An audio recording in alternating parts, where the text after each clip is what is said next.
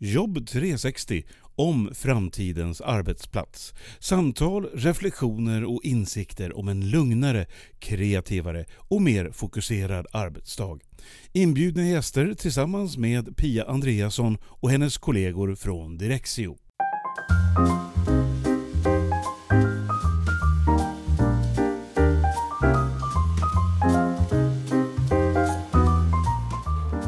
Nu ska jag iväg till BSK Arkitekter och där ska jag träffa Maja, Monica och Isabelle. Och vi ska prata om någonting som jag faktiskt inte vet någonting om överhuvudtaget och det kallas för neurodesign. Jag är jättenyfiken på det och jag hoppas du också vill veta mer.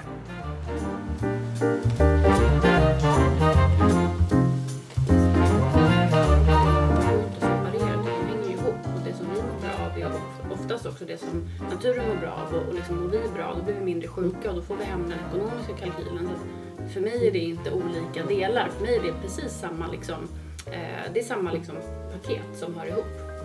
Ja, jag tänkte jag skulle presentera er lite grann här. Vi sitter ju här några stycken på, hos BSK Arkitekter och det är Monica, Maja och Isabelle.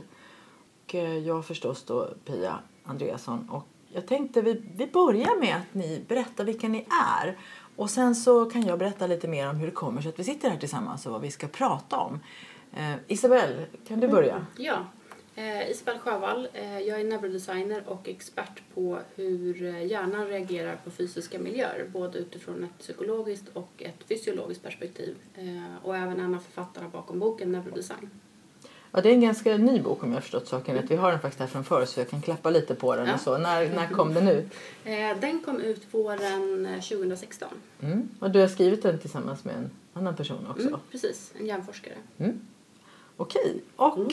då fortsätter vi. Ja, jag heter Monica Stone och är inredningsarkitekt på eh, BSK Arkitekter.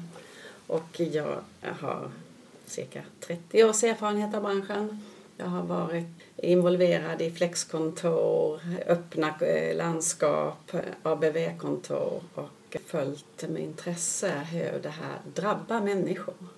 Och är väldigt intresserad av eh, färg och färg kontra hur vi mår och eh, hur man gestaltar de här rummen för att man ska känna trygghet bland annat och veta hur man gör när man kommer in i ett rum. Vad som förväntas av en och vad man kan förvänta av sin omgivning. Ja, jag heter Maja Abrahamsson. Eh, jag, har, eh, jag är inredningsarkitekt och eh, husarkitekt. Ehm, och har jobbat under många år med kontorsmiljöer men också väldigt mycket med utbildningsmiljöer och är väldigt intresserad av hur tankarna omkring det aktivitetsbaserade kontoret också kan flytta in i andra miljöer för att, kunna, eh, att man kan ta del av den kunskapen och det sättet att tänka. Eh, både i utbildningsmiljöer men också i vårdmiljöer förstås. Ja, och anledningen till att vi sitter här och att ni vill vara med i podden Jobb 360 det är ju det att jag träffade er, Monica och Maja, på BSK. Eh, sen berättade ni för mig då att ni har pratat med Isabelle om det här med neurodesign och så och att ni ju alla tre är väldigt intresserade av att utveckla de här miljöerna. Och Isabelle, du har ju mycket kunskap om hur de här fysiska miljöerna påverkar och Monica och Maja, det är ni som jobbar och tar fram de här. Så vårt samtal idag kommer att röra sig om, om det helt enkelt. Hur utformar man framtidens miljöer så att det blir tryggt och så att man befrämjar lärande eller arbete, koncentration eller samarbete, vad man nu ska göra på sin arbetsplats. Så Isabelle, berätta lite mer om det här med neurodesign. Vad, vad, det är ju ett ganska nytt ord, eller mm. hur? Ett mm. nytt begrepp. Och hur, hur kom du in på det och, och vad, hur blir man neurodesigner? Precis, det, för min egen del så började det eh, när jag var ungefär fyra år. Då satt jag inne på mitt rum när jag var liten och färgkodade mina nallebjörnar. Och så kände jag någonstans att det hände någonting i mig när de var en viss ordning och en viss färgskala och sådär. Och även om inte jag förstod det såklart där och då så eh, var det någonstans grunden för min nyfikenhet som sen eh, accelererade kan man säga. Och sen jag var 19 så har jag arbetat i branschen med eh, fastighetsoptimering, arkitektur, inredning och design och gjort mycket designkoncept. Och så träffade jag mycket människor, jobbade mycket med privata hem inledningsvis. Och då märkte jag att det hände någonting också med de här familjerna som man träffade innan och efter man hade gjort om den fysiska miljön. Där någonstans så började jag leta vidare då och undrade vad, vad är det för någonting som påverkar. Jag förstod att det handlade mycket om ja, men dels belysning och färger och former och rörelsemönster och allt det där. Och sen 2013 så då inledde jag ett eh, samarbete då med en hjärnforskare och eh, vi började titta på de här parametrarna som jag hade då eh, skrivit upp frågor under alla mina år som jag undrade över och att vi liksom ihop ett koncept kring det som blev Neurodesignboken. Lite roligt när du berättar det för då tänker jag hur gjorde jag när jag var barn då, då och eh, jag var en av de här som hade väldigt bra ordning i min skolbänk. Jag hade böckerna låg precis i storleksordning och allting och de var märkta och så. Så jag var ju alltid snabbast upp med boken när fröken sa att vi skulle ta fram någonting så var jag först på bollen där. Och även när man gick i högstadiet fick skåp då, så stod det väldigt prydligt och så för jag tänkte att det här blir ju bra när man ska jobba så man slipper leta och stöka runt och så. Så att vi, vi var ganska tidigt inne på det vi gör, både du och jag Isabelle. Mm. Och eh, då Monica, vad, vad vill du berätta om ja. dig? Hur kom du in på det här med att bli inredningsarkitekt? Jag hade ett tidigt eh, intresse eh, för färg och att ordna saker också. Jag är däremot inte ordningsam. Utan jag tycker om att ha ett, en stor ordning och sen så gömmer jag saker i lådor och bakom skåp och dörrar och under bord och sånt. Så att det är liksom en helhet, en överblick. Men det är väldigt stökigt i lådorna om man säger. Det är mycket information som samlas där. Men jag är också specialist på att öppna till exempel en låda och hitta exakt det jag vill ha i röran. Så att det är någonting där. Att eh, behålla helheten och, och tillåta det vara rörigt. Och det passar en inredningsarkitekt tror jag. Att se, att se helheten är ju det som, som ska hålla ihop det här eh, till någonting sammanhållet så man känner att det här är en behaglig miljö. Men att tillåta alla individer att ha sitt speciella. Alltså de här lådorna som du mm. pratar om nu mm. kan också representera mm. individer som får vara sig själva i den här miljön. Ja. Och miljön funkar mm. också för dem. Ja, precis. Så mm. tänker jag. Okej, och Maja, du pratade lite om inlärningsmiljöer och så. Vad har du för bakgrund och hur kommer det sig att du jobbar med det du gör? Ja, varför jag jobbar med det jag gör har väl att göra med att jag tidigt var intresserad av färg och form och, och design och, och konst och så. Och, eh, jag hade en, har en pappa som var konstnär. Eh, men jag ville inte bli konstnär. För det, jag ville ha lite mer ordning i det hela. Och eh, jobba och har alltid varit intresserad av att jobba i grupp tillsammans med andra människor. Och eh, arkitektkontoret kändes som en, en bekant miljö för mig på det sättet. Och, och jag ser liksom att jobba med miljöer för människor det har ju att göra med att, de, att man eh, oavsett om man är intresserad av design och färg och form så blir man ju påverkad av det. Det är många gånger som vi träffar på klienter som säger så här, men det spelar ingen roll, jag, jag behöver inte, alltså det kan, jag kan sitta i en svart skrubb eller någonting. Men det, jag tror inte på det.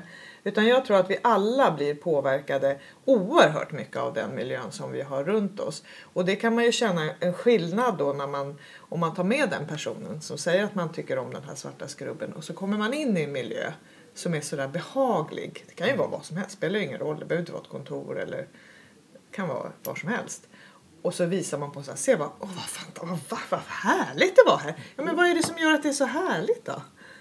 Och då kan man liksom börja titta och känna på det där. Så här, ja men titta här, det är liksom ljus och kolla, och vilka fina golv och så. Ja, då, titta där. Det är, och då får man liksom tala om det som, men det är en funktion.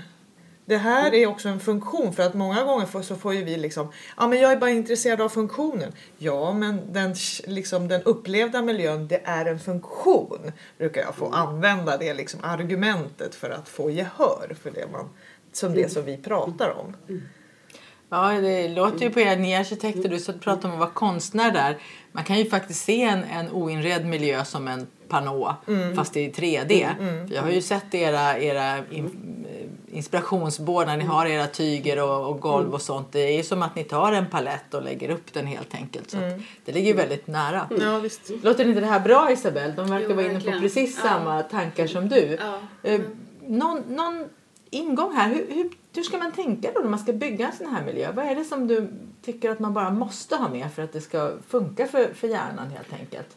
om man tänker på det här med hållbarhet som är liksom en het fråga nu eh, och både mänsklig, ekonomisk och ekologisk hållbarhet så är ju det också tre delar som verkligen hör ihop. Om vi tittar till exempel på eh, stressrelaterad psykisk ohälsa som är den vanligaste orsaken till sjukskrivning i Sverige idag eh, så är det i många fall också kopplat till att det är en miljö som inte Eh, är designad utefter människan egentligen. Mycket distraktioner och sådär och sådana miljöer, det visar ju forskningen också, gör oss sjuka.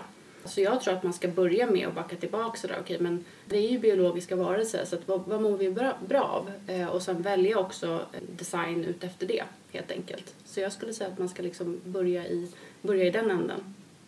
Ja, vi var inne på det här när vi satt och pratade lite här innan om det här med mera gröna miljöer. Du mm. pratade om växter mm. och ni som har jobbat länge med inredning ni berättade att eh, bakåt i tiden så vill man inte ha några växter alls och, och det var ingen som skötte om dem och så. Det var tråkigt och nu är det på väg väldigt mycket tillbaka. Mm. Så Isabel, vad är det med de här gröna miljöerna då som mm. gör att det är så viktigt för oss människor? Eh, det är ett begrepp som, som i branschen kallas för biofili. Eh, och biofili? Biofili. Och det ja. handlar om vår grundläggande biologiska kärlek till naturen.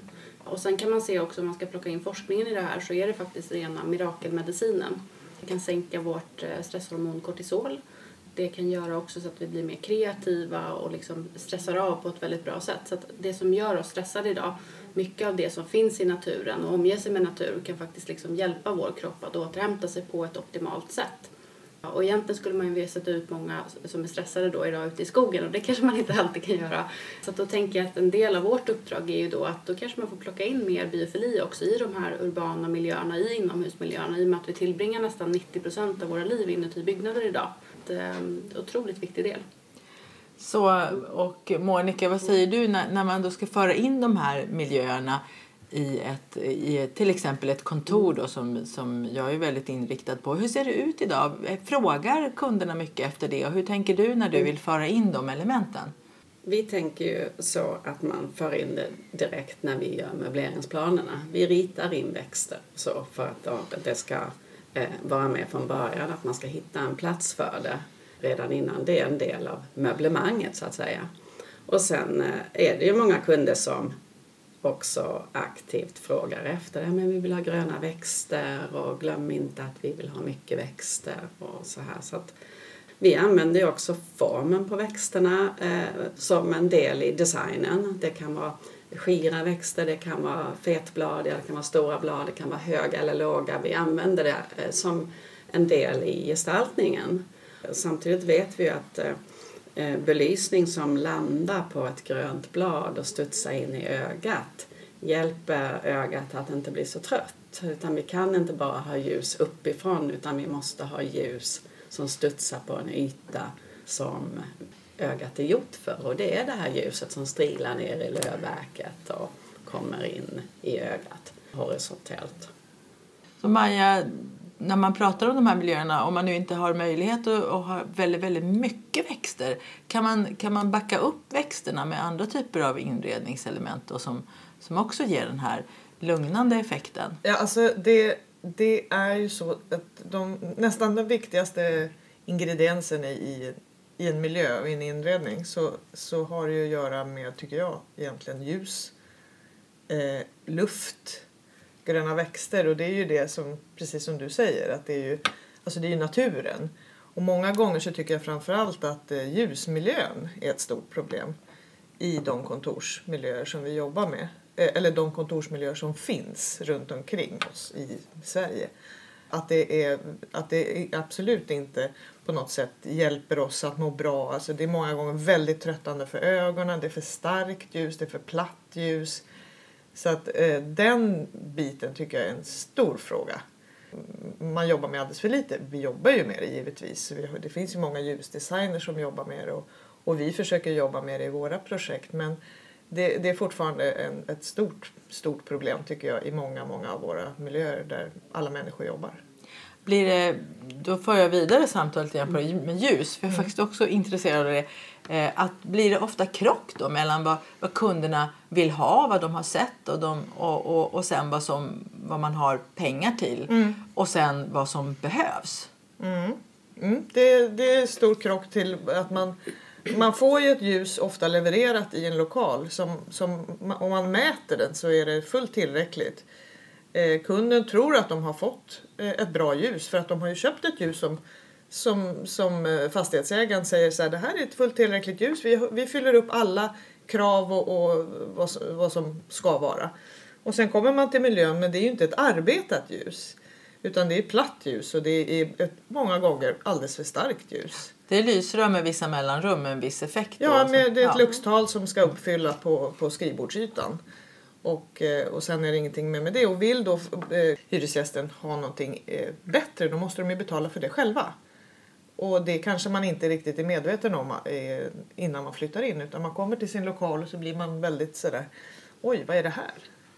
Ja, jag lyssnade också faktiskt på en föreläsare på i Almedalen i somras. Hon är en av de få i världen som har doktorerat på eh, ljus och hur det påverkar i hjärnan, då, ögat. Och hon sa ju det att vita skrivbord, nu sitter vi vid ett, ett träfärgat ljust bord här när vi pratar. Men att när det här ljuset studsar på en vit yta så blir det ännu värre. Isabelle nickar inkännande här. Vad, kan du berätta mer om det? Eh, nej, men just det här med eh, ljus är, det är en jätteviktig fråga. Och ljuset påverkar oss på, på många olika sätt. Framförallt genom den så kallade suprakiasmatiska kärnan i hjärnan. Vänta nu, suprakiasmatiska kärnan. Ja. Okej, det där fick vi repetera mycket. Eh, och man kan säga att den, eh, den reglerar hela vår dygnsrytm eh, och hjälper också till att reglera hormoner och sådär. Så att den är otroligt viktig också för vårt eh, välmående och för vår fysiologi.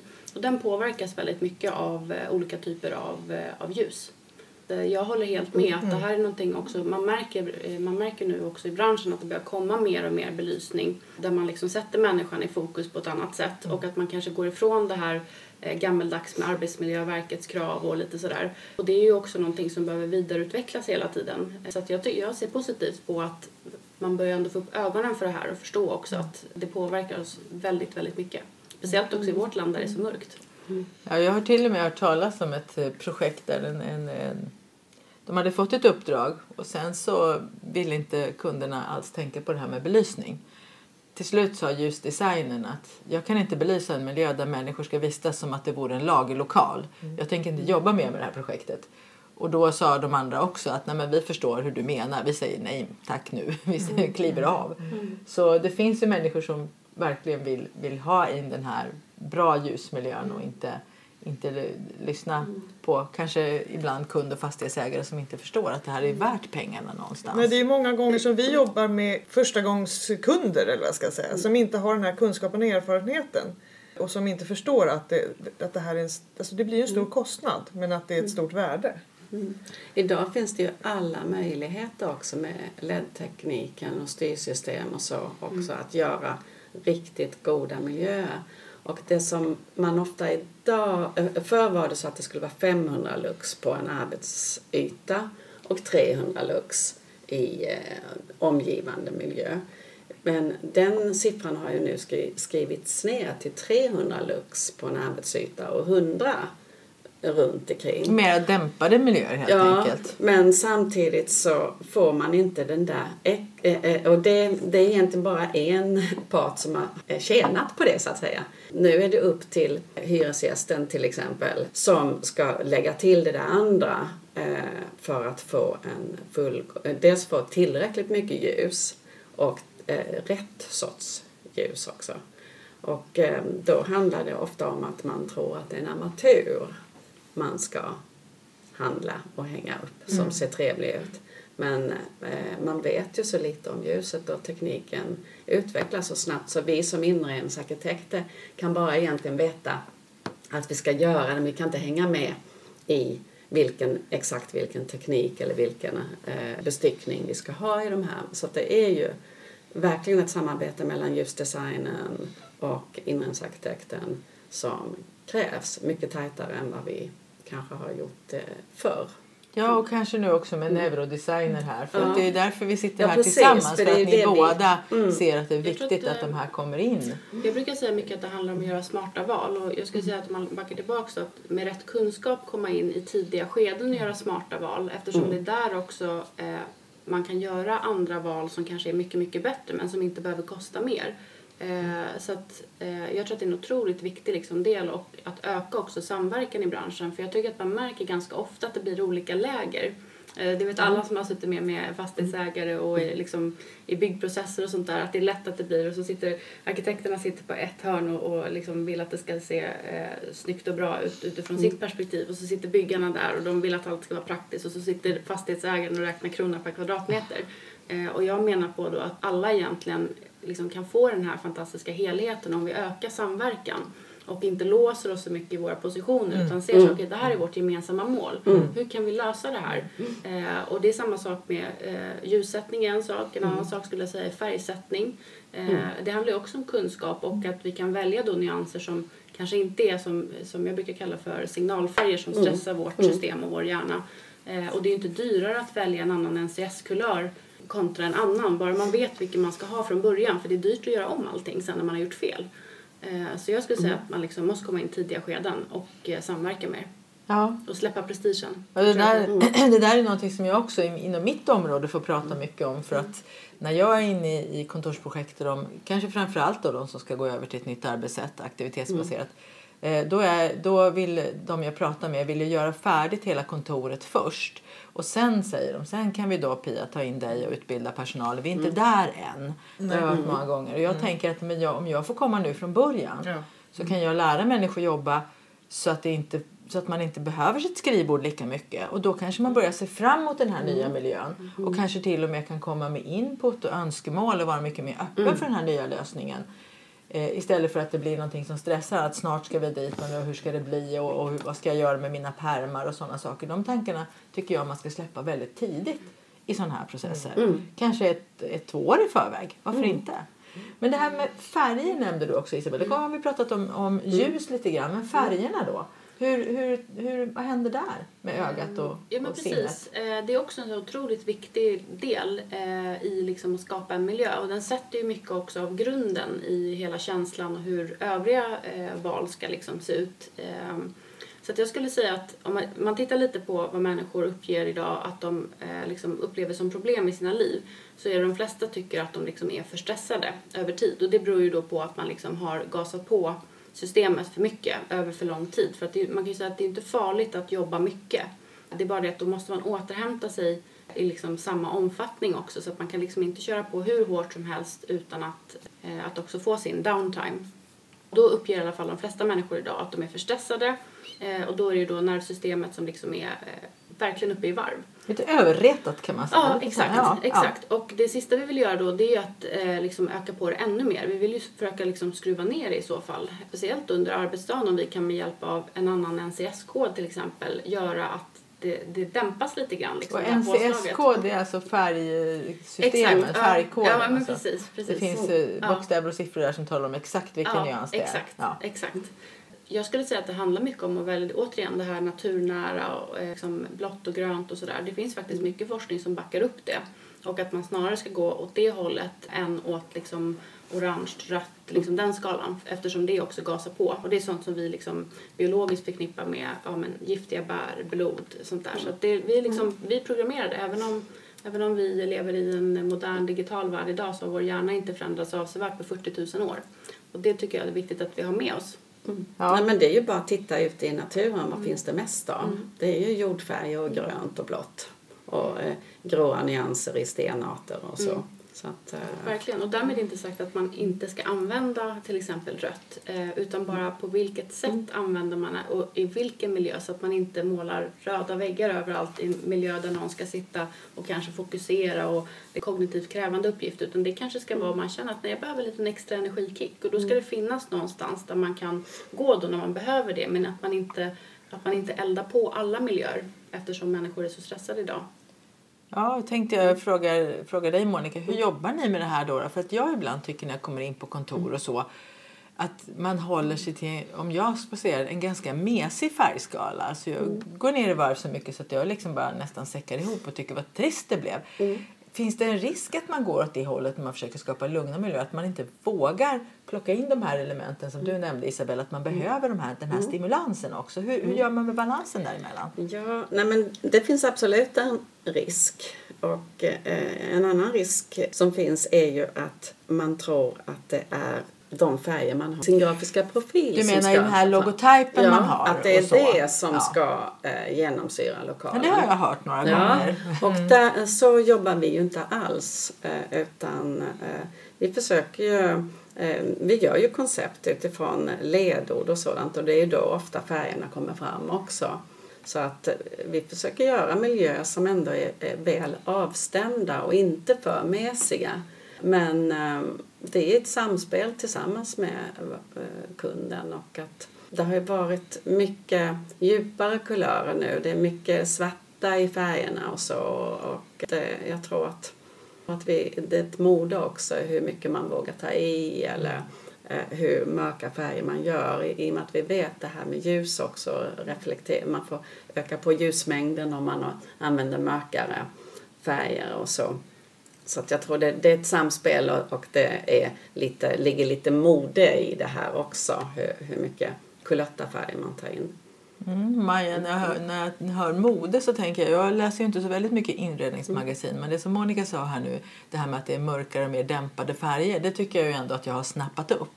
När, när kunderna ska inreda sina miljöer, tycker du att de påverkas mycket av mode och det de har sett? Så kommer önsk- kan du märka att önskemålen kommer därifrån? Och hur, hur gör du för att balansera upp kundens egna tankar och ingångar som kanske är privata med att de ska faktiskt inreda sin arbetsplats? Alltså jag vet inte, jag tycker inte att de är så väldigt påverkade av modetrender. Jag, jag har inte varit med om det så väldigt mycket. Det, det kan vara lite personliga åsikter om vilka färger man tycker om eller inte. Men utan jag, det är väl snarare kanske vi som, som pratar om det här med färgen, tycker jag. Att det, det är oftast vi som tar upp den frågan överhuvudtaget. Man kanske säger att vi vill inte bara ha vita väggar. Så kan det ju vara. Att man har någon sorts sån, sån önskemål. Men, och då tänker de kanske men vi vill ha kanske några fondväggar någonstans. Eh, jag, det, är, det är inte så ofta som jag tycker att jag har varit med om, i alla fall jag personligen inte har varit med om att, eh, att kunder har varit så väldigt sådär medvetna och eh, eh, har starka åsikter om färger, förutom färger de tycker är fula. Mm. Jo, nej, men Ja. färg väcker otroligt mycket känslor, det måste man ju ändå säga. Eh, just det där, nej, men jag tycker inte om gult. Eh, Men jag tycker också, jag tycker faktiskt att man ibland får bilder, Pinterest-bilder eller andra bilder instuckna under näsan och nej men det här tycker vi är fint. Och då är det eh, ganska trendiga miljöer som fungerar just nu. Men vi, vi ser ju eh, en större bild, precis som eh, Maja säger. Att, eh, vi jobbar ut, vi, vi försöker fånga upp vad det är för företag och vad man känner, eh, alltså kärnverksamheten och, och försöker skapa ett koncept kring det. Och, och då är ju färgen en del av det konceptet.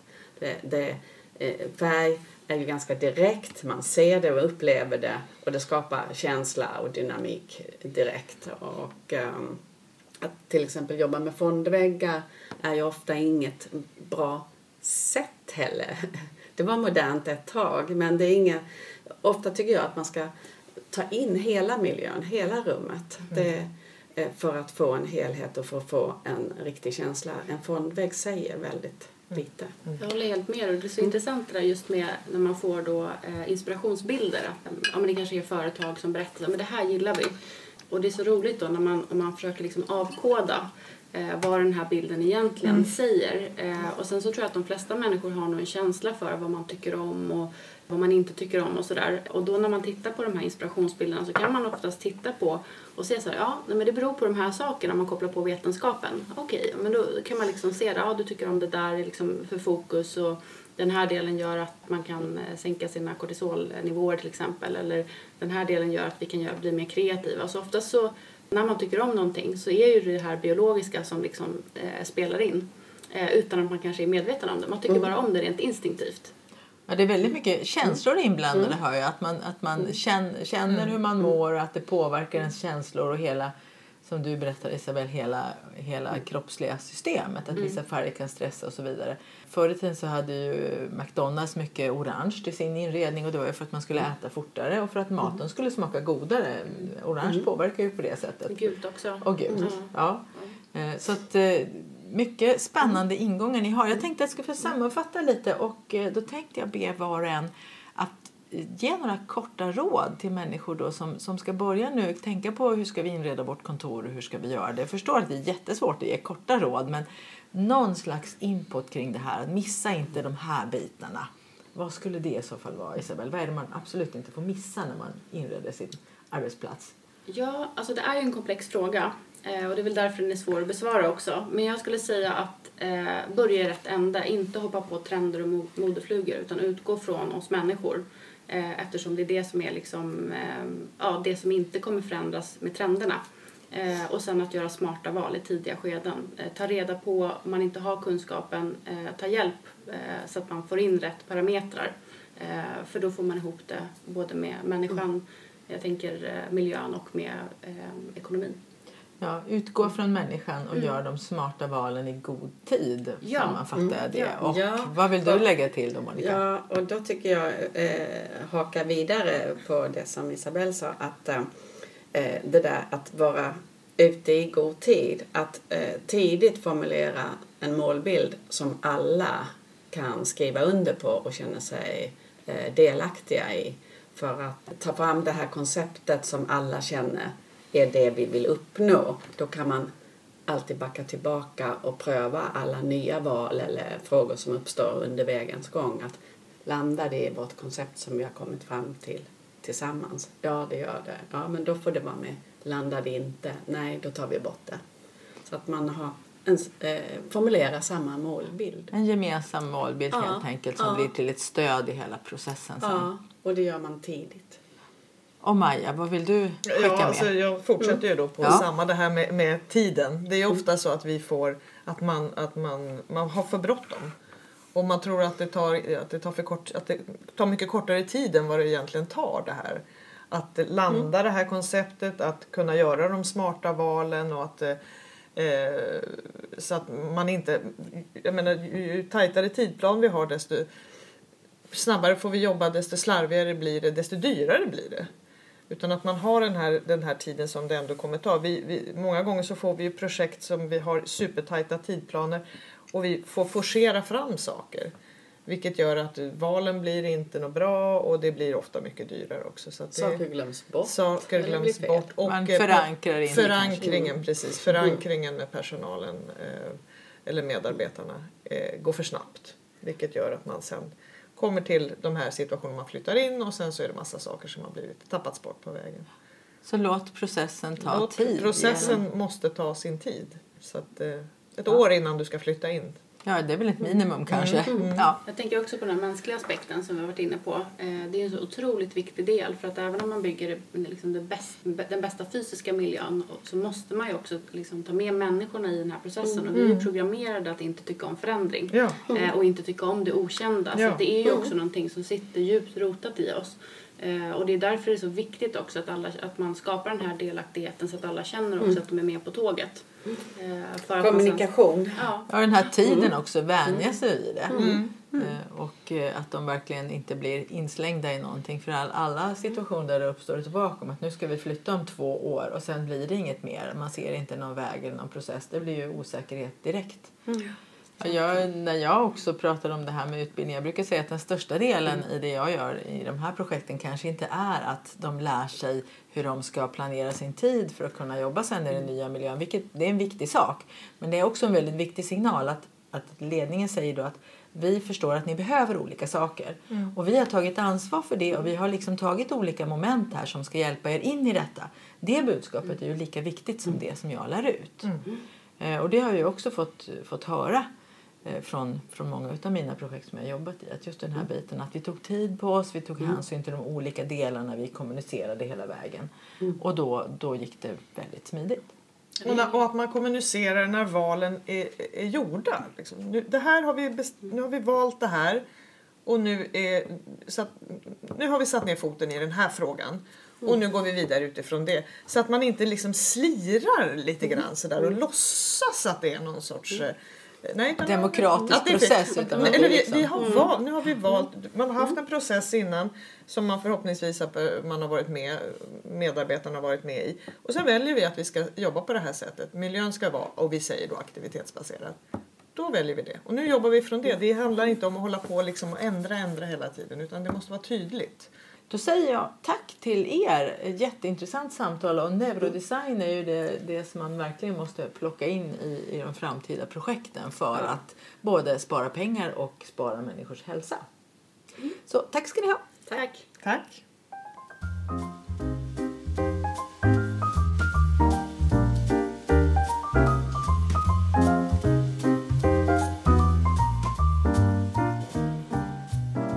Där fick jag verkligen lära mig något nytt. Neurodesign. Hur man anpassar kontoret och arbetsplatsen till vad hjärnan trivs bäst med. Både när det gäller färger och till exempel det att omge sig med växter. Det tyckte jag var superintressant. Jag känner genast för att gå hem och köpa några fler krukväxter för att trivas bättre hemma. Och det är kanske också det man behöver tänka på på framtidens kontor. Hur får vi människor att trivas bra? För det är klart att då blir man mer effektiv, mer produktiv och man mår dessutom bättre.